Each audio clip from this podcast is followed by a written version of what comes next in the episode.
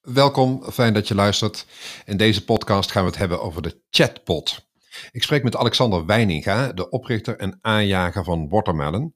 Hij vertelt over het bedrijf, de historie, de ambitie natuurlijk en hoe customer succes door iedereen in zijn team wordt gedragen. Ja, de luisteraar zal even moeten wennen aan twee Alexanders.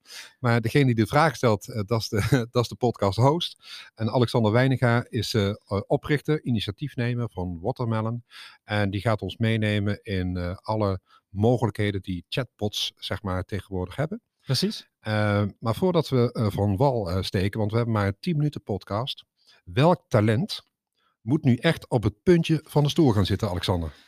Dat zijn eigenlijk twee talenten. Ik zou zeggen, iedereen die heel goed is in, in de verkoop van software, of het heel leuk vindt, en de mensen die heel goed software kunnen maken, die moeten echt op het puntje van de stoel gaan zitten. Want dan zijn wij echt een perfecte organisatie voor die type mensen. Oké, okay, nou, ik ben razend benieuwd. Uh, we gaan eventjes uh, terug. Wie is uh, Alexander?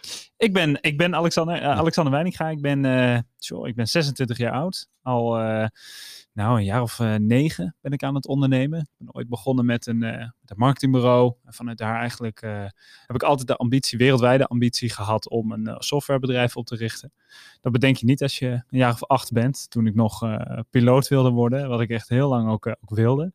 En uh, ik woon samen met, met mijn vriendin Maarsen. En ja, we zijn nu al zo'n drie jaar onderweg met, met Watermelon. Dat is een beetje wie ik, wie ik ben.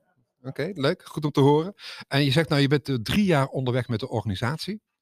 Uh, vertel eens, wat, wat was het eerste idee wat je meteen pakt en zei, ja, dit, dit ga ik nu doen?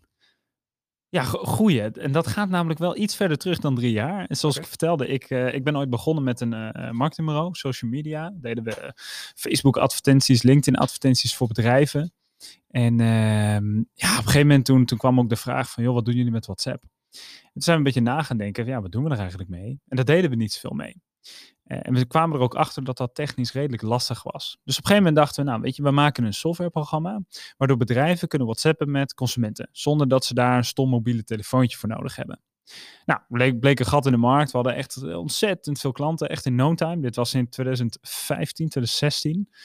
Maar op een gegeven moment, uh, ja, lang verhaal kort, moesten we de tent uh, sluiten en, uh, en uh, ja, konden we daar niet meer verder.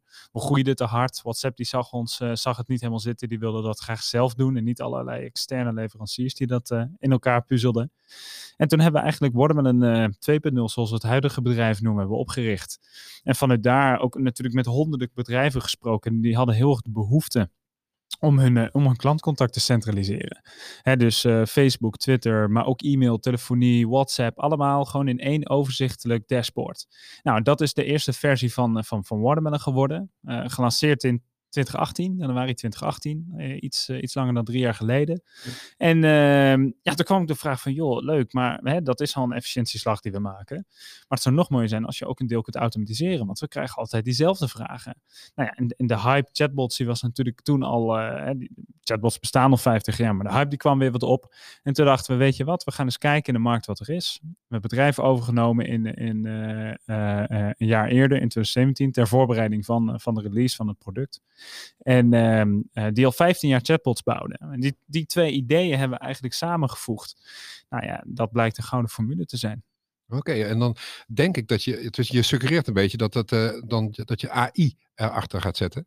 Uh, zeker, ja, dat, dat zit erachter. Dat klopt, ja. exact. Ja. En dat, uh, is, dat, is het nou zo, want het is natuurlijk een organisatie die, die qua product en qua dienst, zeg maar, moet ik eigenlijk beter zeggen, enorm aansluit op de digitalisering die op dit moment plaatsvindt. Ja, en niet alleen de digitalisering. Kijk, corona heeft er natuurlijk voor een extra digitaliseringsslag uh, gezorgd. Maar uh, wat wij, wij hebben ook intern zoiets als, ja, of intern, iedereen op de hele wereld, die kent het misschien wel, instant gratification. Hè, de hele maatschappij is erop ingericht dat als ze iets willen, dat ze het nu willen. Als ik nu iets bestel, wil ik het nu hebben. Als ik nu iets koop, dan wil ik het nu gebruiken. En als ik uh, nu iemand bel, wil ik dat hij nu opneemt. alles gaat sneller, alles gaat digitaler, ja, alles nu. Ja. En, en dat is ook met klantservice zo. En op het moment dat je dan tien jaar geleden kijkt, nou, dan hing je wel eens een, en nog steeds trouwens, dan hang je wel eens 30 minuten in de wachtrij. Of dan uh, zijn ze s'avonds niet bereikbaar. Dus dan, dan moet je overdag, als je aan het werk bent, tussen 9 en 15 klantservice benaderen. Mm -hmm. Dat is natuurlijk super onlogisch. En, en dat zorgt er wel voor. Hè? Dus, dus uh, enerzijds de digitalisering, maar anderzijds ook gewoon die wil en die, die, die drang om iets direct te krijgen. Ja, daar, daar kunnen chatbots enorm in bijdragen. Want die zijn gewoon altijd beschikbaar. Die voorzien jou en helpen jou aan het antwoord. Uh, ja, en zorg er gewoon voor dat daardoor ook je klanttevredenheid als, als organisatie omhoog gaat. Ja, ik, ik, ik denk ook dat, kijk, digitalisering is een groot woord. Wat ik misschien eigenlijk bedoel is, um, kijk, we hebben aan de ene kant heb je zeg maar marketing en sales. Uh, maar door dat we digitaliseren, neemt de afstand naar de klant of de gebruiker of de patiënt of wat dan ook, neemt dus toe. En je wilt eigenlijk die afstand weer verkleinen. Maar is dat zo? Neemt die, ik, ik, zou niet, ik, nee, ik zou niet zeggen dat pertinent digitaling ervoor zorgt dat de afstands, afstand toeneemt. Ik, um, ik, ik, uh, ik, nee, dat zou ik niet stellen. Okay, ik zou okay. zeggen dat je juist elkaar ook dichterbij brengt. Hè? ja, met dit je... middel. Ja, me, ja, zeker. ja, ja, maar dat bedoel ik. Dus dat is dan, dat, dat is, ja, we zeggen eigenlijk hetzelfde, alleen ik probeer het eigenlijk te benaderen uit de markt. Dat mensen zitten te wachten op producten waardoor, die waardoor je ja, dichter op je, op je klant komt zitten. Oh, zo, Beter je klant ja, begrijpt. Ja, nee, zo, ja, zo zeker. Ja, ja, absoluut. Ja, absoluut. Okay, ja, zeker. Okay, Als je kijkt naar um, vandaag de dag, de organisatie, um, hoe groot is die? Om maar eens een beetje een gevoel uh, te we geven. We gaan nu richting, richting de 20 man, maar de ambities voor dit jaar zitten. Uh, ja, we willen wel echt dit jaar naar de, naar de 50, 60 man toe groeien. Oké, okay, dus, ja. dus echt, daarom zitten we hier ook. Hè? Dus we gaan veel vertellen natuurlijk over de organisatie. Als we nou, kun je ons even meenemen, hoe ziet de organisatie in grote lijnen eruit? Ik, als, je de, als je die in delen hakt. Ja, nou ja, we, ik, ik, hou wel van structuur, dus daar kan ik heel simpel in, in zijn. Okay, we hebben drie secties eigenlijk. Dat okay. is commercieel, product en organisatie. En onder commercieel, daar vallen drie afdelingen. Dat is sales, marketing en customer succes.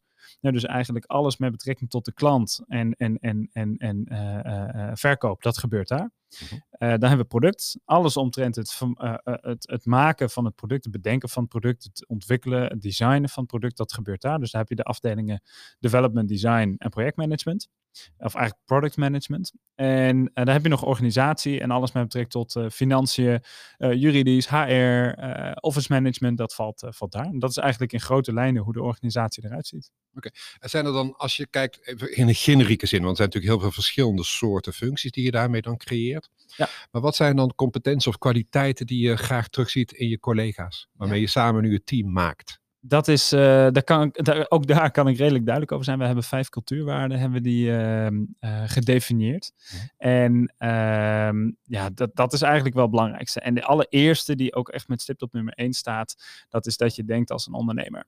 Mensen willen graag vrijheid, uh, maar vrijheid komt natuurlijk met verantwoordelijkheid. En daar staat eigenlijk die cultuurwaarde voor. Dus mensen die houden van, van, van, van hè, eigen initiatief nemen. Het leuke ook aan een start-up is dat als je zelf initiatief neemt, dan, dan is die impact gewoon enorm zichtbaar. Hè, alles wat je doet is gewoon enorm zichtbaar. Daarom denk als een ondernemer, kom met ideeën, nieuwe initiatieven worden alleen maar toegejuicht.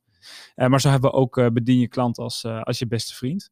Hè, dus het is heel belangrijk dat de klant centraal staat in je werk. Zeker als je in het, in het klantteam zit natuurlijk. Mm. Maar ook in het productteam is het essentieel dat je uiteindelijk een product maakt wat op de klant aansluit. Hè, en dat iedereen de mindset heeft om, om die klant in het achterhoofd te hebben bij het ontwikkelen, vermarkten, verkopen van het product. Oké, okay, oké. Okay. Kun je een voorbeeld geven van uh, dat, je je, dat je je klant als je beste vriend ziet? Is er gewoon, kun je eens één gewoon praktisch voorbeeld geven ja. waaruit dat dan blijkt dat die waarden van binnenuit ook naar die klant toestromen? Nou, bijvoorbeeld, uh, wij gaan onze pakketten op korte termijn uh, veranderen. daar zit een goedkoper pakket bij. En er zijn klanten waarvan we eigenlijk weten, die kunnen daar wel naartoe. Dan bel je die op en zeggen, joh Joost, ik heb iets moois voor je. Ik, ik heb een goedkopere licentie voor je. En dan zal die klant denken, nou, dit, dit maak ik bijna nooit mee. Want dat gebeurt niet zo vaak. Nee. En die klant is blij, die klant is lo loyaal als het goed is. Gaan, gaan we dan vanuit. En dat zien we gelukkig ook terug.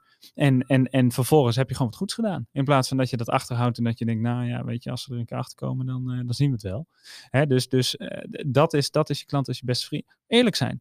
En, en oprecht. En, en gewoon zeggen wat op staat. En, en, en ook in de samenwerking gewoon, gewoon eerlijk naar elkaar zijn. Als het niet lekker loopt, dan loopt het niet lekker. Dan moeten we erover kunnen praten. Klinkt zeer overtuigend en uh, zo kijk je er ook bij. Dat is goed om te zien. Gelukkig. En ja, ja, maar ik, ik ben ook wel onder de indruk, want ik zit natuurlijk met heel veel plezier hier uh, deze podcast te maken, omdat ik jullie natuurlijk al een tijdje volg. En, uh, maar nou kom ik hier binnen. Ja, en nou is, ik proef de sfeer. Hè, dat is over het algemeen best wel. Het is die rustigheid. Er is hard aan het werk en zo. En, maar wat maakt nou, want dat vind ik dan toch de kernvraag. Hè, talent is zoekende.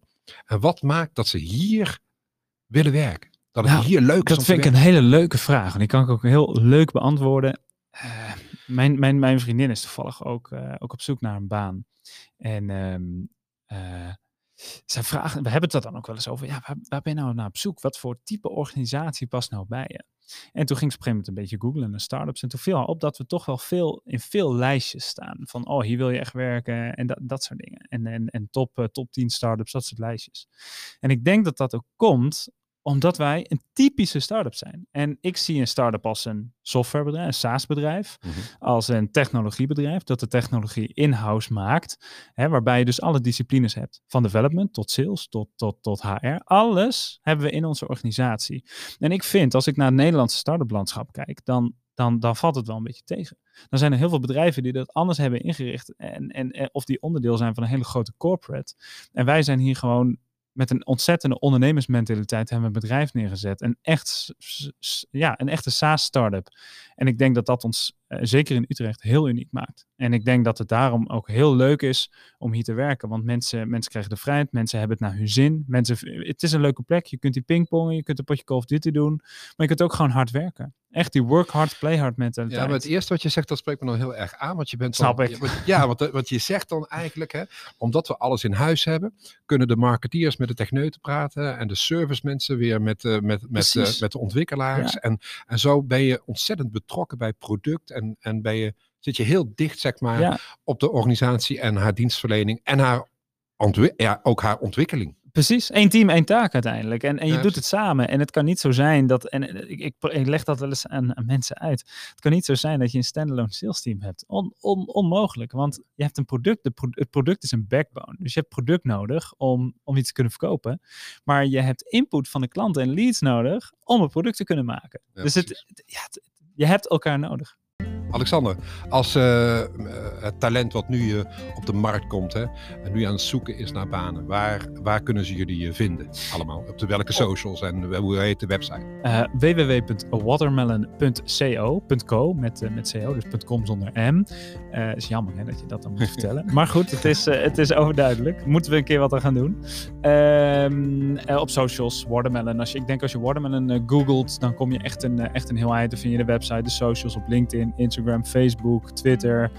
Eh, ja, eigenlijk alle, alle plekken zijn wel zichtbaar. Ja. We zullen, ze erbij, we zullen we deze bij de podcast gaan eh, benoemen. Kijk, Ja, dus dan kunnen mensen lekker doorklikken en eh, van alles van jullie zien en meemaken. lijkt me een goed plan.